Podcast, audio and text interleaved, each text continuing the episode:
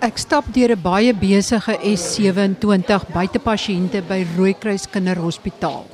Ek is op pad na kamer nommer 7 waar dokter Mignon McCallig verbonde aan pediatrie by die Rooikruis Kinderhospitaal en die Universiteit van Kaapstad en hoof van die nier- en orgaanoorplantingseenheid op my wag. Ons gaan gesels oor een van die groot probleme na orgaanoorplantings. Ek stap verby ma's met babas op hulle skote, ma's met kleuters op hulle skote, laerskoolkinders wat rond staan. En dan kom ek in die portaalgedeelte voordat ek in die spreekkamers kan ingaan. Daar is 'n stuk of 10 spreekkamers. Daar is so 2 of 3 gemerk vir kinders met hartprobleme, nog so 3 gemerk vir kinders met longprobleme en nog gemerk vir kinders met nierprobleme. En dit is in een van hierdie spreekkamers waar ek ingaan. Ek gaan met professor Makalle gesels oor kinders wat nieroorplantings of ander orgaanoorplantings kry wat die res van hulle lewe teen verwerpings moet drink. Maar as hulle hulle tienerjare bereik of selfs eers in hulle jong volwasse lewe, rebelleer hulle of raak hulle moeg of raak hulle kwaad of wat ook al die geval is, maar hulle hou op om hulle medikasie te gebruik en dan verwerp die orgaan. En dan bestaan daar 'n groot moontlikheid dat hulle nie weer op die dialyselys kan kom nie en ook nie op die lys vir nog 'n orgaanoorplanting nie. Dit is een van die tragedies van kinders wat orgaanoorplantings gehad het wat jare lank daarmee lewe en dan in hulle tienerjare of vroeë 20er jare eintlik deur hulle eie toedoen die orgaan laat verwerp. Ons gaan ook kyk of die tiener se brein inderwaarheid goed genoeg ontwikkel is om eintlik hierdie besluite waarop hulle so graag aandring dat hulle dit self wil doen. Maar is hulle breine goed genoeg ontwikkel om hierdie besluite te neem? En wat gaan help om hierdie kinders op die pad te hou dat hulle elke liewe dag hulle medikasie neem? Dit te midde van 'n wêreld op die Kaapse vlakte waar in baie huise ouma en ma en pa en broer en selfs suster tik gebruik en hulle moet hande vol teenverwerpingsmiddels drink. Hoe groot is daai lokkrag om ook maar dwelms te gebruik? Ek het nou die deur oopgemaak en ek is binne in die spreekkamer van professor McCallig. Professor McCallig, ek verstaan een van die groot probleme na 'n orgaanoorplanting en selfs van ander pasiënte wat siek is en wat kroniese medikasie moet neem vir hulle gesondheid is dat die pasiënte wanneer hulle tienerjare bereik nie meer lus is om hulle medikasie te neem nie. Is dit weliswaar so groot probleem? Baie dankie dat julle kom praat het vandag. Vir my is dit baie lekker om met julle te praat en dit is 'n groot probleem nie net vir tieners nie, vir almal wat kroniese medisyne moet neem. Maar as ons volwassen is, is dit meeste van die tyd dat ons weet dit is belangrik om ons medisyne te neem. Soos ons vroeër gesê het, sommige mense sukkel selfs om hulle bloeddrukmedikasie of diabetes medisyne te neem, maar vir uh, tieners is dit 'n groot probleem wêreldwyd, nie net in Suid-Afrika nie, maar ons het ekstra probleme. So vir 'n tiener is dit moeilik om anders te wees as hulle ander tieners by die skool en hulle hou nie daarvan dat mense weet dat hulle 'n siekte het nie. Hulle hou ook nie daarvan dat mense weet dat hulle medisyne moet neem nie. En vir hulle is dit bietjie van 'n snaakse konsep, want as jy gesond is, hoekom neem jy dan medisyne? gewoonlik neem jy net medisyne as jy siek is en vir ons moet ons vir hulle verduidelik dat hulle is eintlik net gesond omdat hulle behoorlik hulle medisyne neem.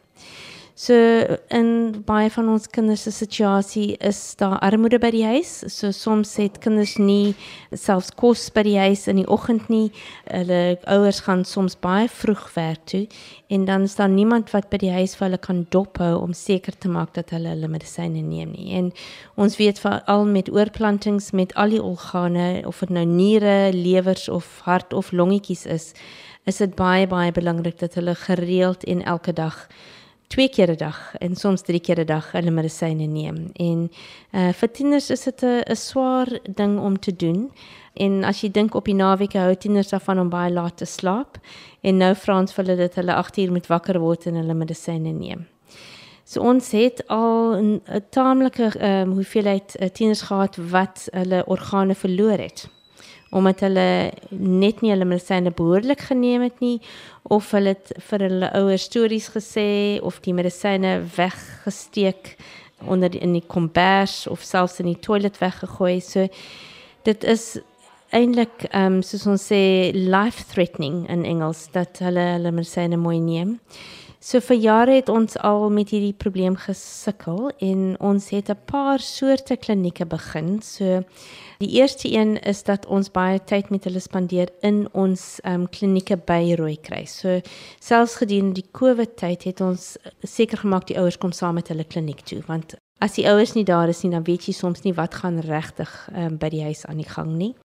Ons het ook 'n nuwe kliniek begin wat ons noem die adolescent kliniek wat die grooteskeer dokters kom van grooteskeer na ons kliniek toe um, elke 2 maande. Hulle kom ontmoet die tieners wat oorgaan oor uh, verplaas word na grooteskeer toe sodat hierdie jong uh, mense nie verskrik is wanneer hulle gaan grooteskeer toe nie ek gaan ook soontoe een keer 'n maand, een of twee keer 'n maand en ons doen die adolescent kliniek saam. So dis 'n aparte kliniek waar nie vol ou mense is nie, maar tieners wat saam is met dieselfde soort probleme.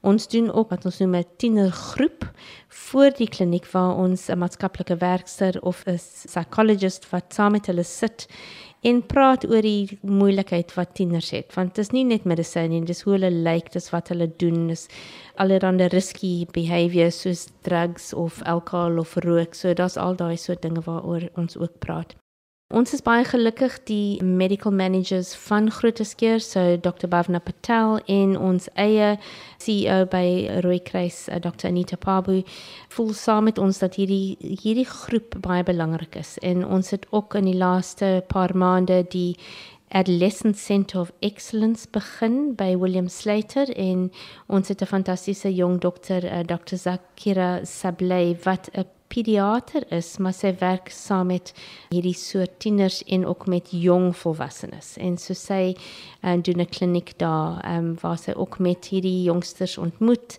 en meer tyd spandeer want as jy net 5 of 10 minute het om gou-gou 'n pasiënt te sien, kan jy nie eintlik met hulle sit en uitvind wat is die probleme wat hulle het, wat is hulle soos ons sê what are their challenges Dit is ekstra werk, dit is ekstra tyd, maar ons voel dit is die moeite werd om ekstra tyd op hierdie jong mense te spandeer want hulle is ons toekoms.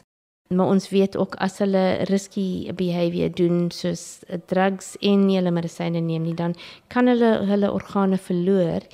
En omdat ons so min organe het in Suid-Afrika, kan dit 'n soos ons sê 'n death sentence wees. So dit is verskriklik en ons het kinders wat ons 14, 15, 16 jaar na gekyk het en dan vat hulle nie hulle medisyne nie en as hulle dan hulle organe verloor, kan hulle soms nie weer terug op dialysis gaan of 'n oorplanting kry nie. So vir my is dit 'n baie baie belangrike groep jong mense en dit is die moeite werd om meer tyd op hulle te spandeer. Soms is dit frustrerend, nou aan die einde van die dag as jy dit reg kry dan is dit fantasties want hierdie jong mense gebruik ons dan om mentors te word vir ander jong mense. So dis eintlik iets wat ek baie van hou wat dan eh, kan hulle vir die ander jonger kinders sê ek het hierdie probleme ek verstaan wat jy deurgaan want vir my is dit moeilik om vir 'n jong tiener te sê ek verstaan wat jy deurgaan want ek verstaan eintlik nie. Ek ek dink ek verstaan, maar die mentors van die pasiënte wat volwassene geword het, um, een of twee van hulle het selfs met mekaar getrou van die groep by Groote So dis wêreldwyd 'n probleem en ons probeer in die wêreld probeer ons almal saamwerk. Baie van die konferensies wat ons nou het oor oorplantings het hierdie soort um themes waar mense actually sê uh, wat doen ons met die risky behavior van die tieners en die jong mense. Ek verstaan jy gaan eersdaags by 'n kongres jy so referaat lewer oor die gedrag van tieners wat julle bekommer dat hulle nie volhou om hulle medisyne te neem nie. So die kongres is the Transplantation Society wat ehm um, die 6de tot die 9de September is in Buenos Aires in Suid-Amerika. En dis 'n volwassene kongres maar ons doen hierdie lesings by volwassene kongresse en by pediatriese kongresse want ek dink ons almal sukkel met dieselfde probleem. So mense is nou baie meer bewus van hierdie probleem en ons probeer vir mekaar leer wat werk, wat werk nie en hoe kan ons almal saamwerk. Die klinieke wat julle het en die groepe wat julle het, vind julle dat dit help as hulle met mekaar gesels en begin sien dat hulle eintlik dieselfde probleme deel? Ja, so dis hoekom ek hou van die mentorstelsel waar ons die ouer tieners of die jonger volwassenes het wat praat met die jonger tieners en ek hou van die buddy stelsel waar jy probeer saam sit met een of twee uh, mense wat dieselfde probleem het en soms is dit goed ons op een stadium met ons 'n volwassene groep gehad waar die ouers saam gesit het en met 'n sielkundige gepraat. Ongelukkig kos daai soort ding geld en met COVID en alles, dit was geld 'n probleem vir hierdie soort klinieke. Maar ek dink dit is belangrik dat nie net die kinders buddies word nie, maar die ouers en die en die volwassenes wat na hierdie jong mense kyk, ook vir mekaar help in 'n buddy stelsel vorm. Ek verstaan dit is nie net die kwessie van dat die tiener nie anders wil wees as sy maats nie, maar selfs probleme wat mens dalk nie onmiddellik aan dink nie soos as die medikasie saam met kos geneem word of na ete geneem moet word en dalk het hulle nie genoeg kos nie het jy sulke gevalle gekry So ons het en op die einde van die dag maak dit nie verskriklike verskil of jy medisyne saam met kos neem of nie, maar baie mense voel meer gemaklik as hulle kos eet voordat hulle die medisyne neem en baie van ons kinders veral nou na COVID en en die feit dat baie van die ouers hulle werk verloor het, het soms nie eers uh, kos vir ontbyt nie. So hulle sukkel dan om hulle medisyne te neem. So dit is eintlik 'n groot probleem.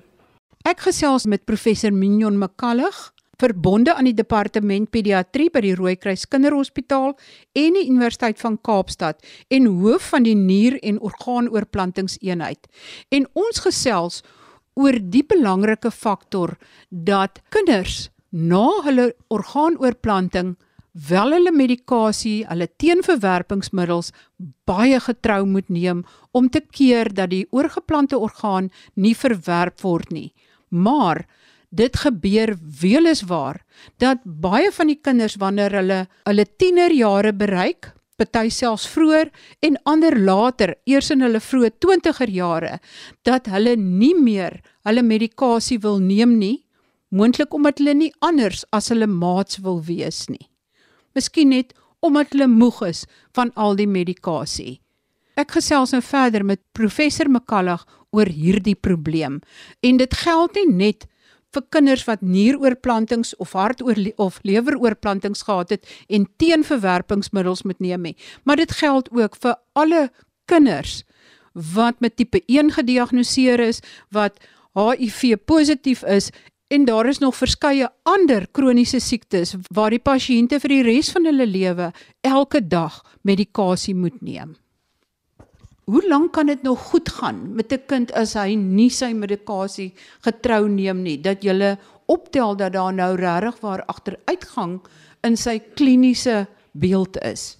So onthou dat al die tieners is soos ons sê in Engels, they are invincible. Dit gaan nooit met hulle gebeur nie, want dit gebeur net met ander mense. En elke mens is anders en dit hang af van hoe goed jou match was vir die orgaan. So ons het sommige kinders wat ehm um, niere of stukkies lewer van hulle ouers gekry het en hulle kan vir 'n lange periode sonder medisyne gaan. Sommige kinders kan net vir 'n week hulle nie hulle medisyne neem en dan kan hulle in die moeilikheid beland. Ander kinders kan 'n bietjie langer vat maar gewoonlik as jy niks medisyne neem vir 'n week of twee nie kan jy al klaar probleme sien. So dit kan nogal vinnig gebeur. En as daai verwerping dan begin, want die medikasie is daar om die verwerping te onderdruk, kan jy dit weer omkeer? Soms kan ons uh, en dit bedoel meer medisyne. So nou vind jy 'n jong mens wat al klaar sukkel om 'n hele klomp medisyne te neem en nou moet jy ekstra medisyne ook gee, so hulle gaan nou meer sukkel. Dit hang af van hoeveel verwoesting daar is van die nuwe orgaan. So as die orgaan net 'n klein bietjie verwoesting ondergaan het, dan kan ons dit regkry en kan ons dinge verander. Maar ons het daar's een meisiekind waarna ek dink wat nie al medisyne geneem nie, sy het toe verwerping gehad. Toe het ons dit onder beheer gekry en 3 maande het sy weer teruggekom met dieselfde probleem en die derde keer kon ons net niks daaraan doen nie want die orgaan was heeltemal vernietig. So dit hang af, dit hang af van jou eie immuunstelsel. Jy moet eintlik jou medisyne neem so dikwels as wat jy kan.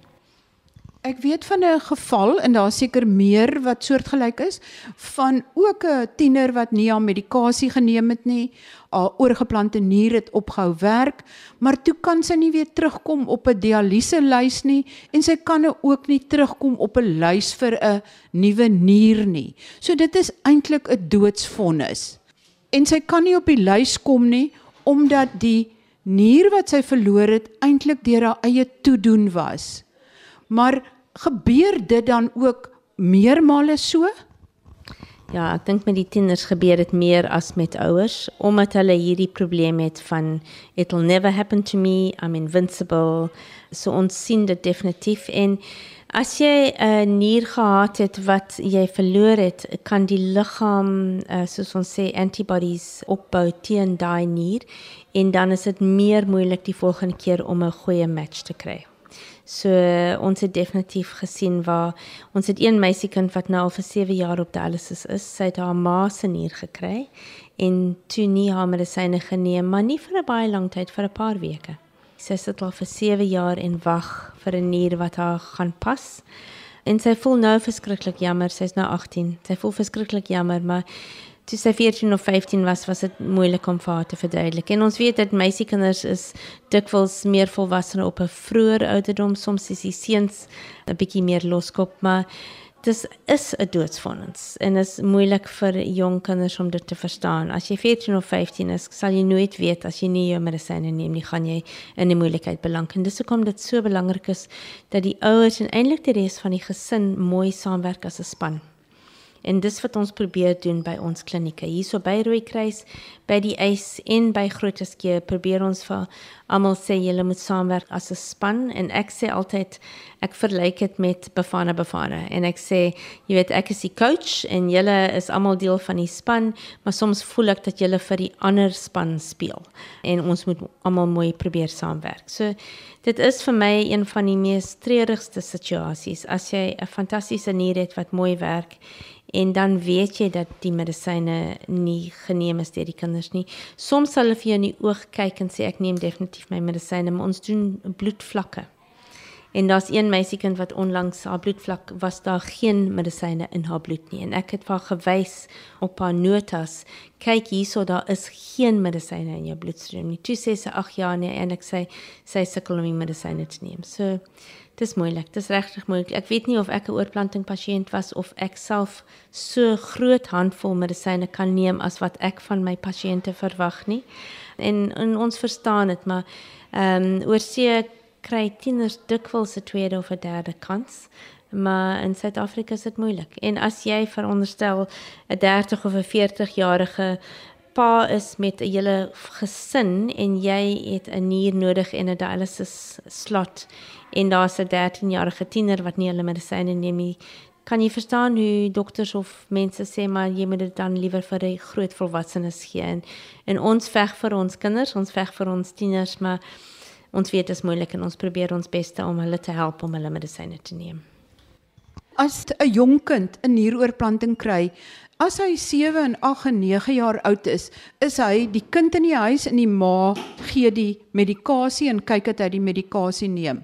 Maar dan as hulle bietjie ouer word, raak hulle eie sinnig.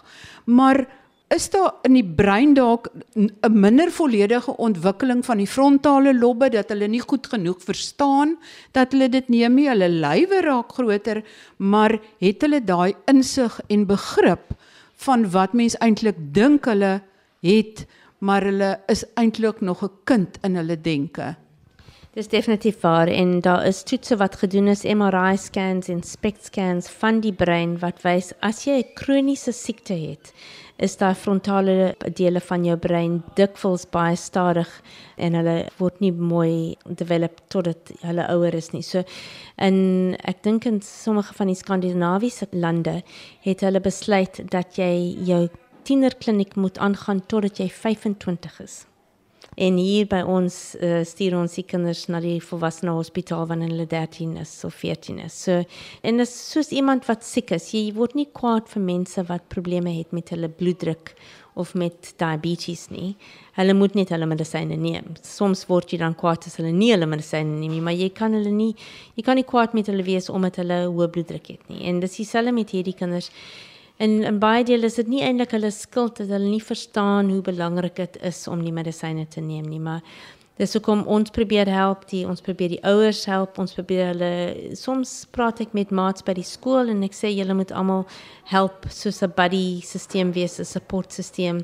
As die kinders nie omgee om hulle maats te laat weet dat hulle medisyne neem nie. Sommige van die tieners wil glad nie laat hulle maats weet daar's enige iets verkeerd met hulle nie. So ons het al kinders gehad wat oorplantings gehad het, maar hulle het nooit vir hulle maats by die skool gesê dat daar enige iets met hulle verkeerd is nie, want hulle Hulle voel skaam daaroor, hulle wil net nie weet dat hulle anders is as hulle maats nie, maar as jy deel van 'n span is en as jou onderwyseres of jou vriende by die skool of jou ouers of jou tannies en ooms almal saamwerk, dan is dit meer suksesvol as as jy op jou eie probeer sukkel.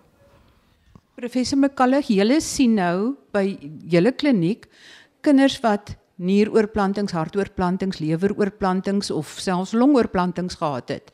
Maar dit is nie al kinders wat kroniese medikasie moet neem nie. Daar's ook kinders wat tipe 1 diabetes is of wat ander probleme het of siektes het as 'n tipe 1 diabetes nie haar of sy insulien neem nie, gaan dit dieselfde gevolge hê.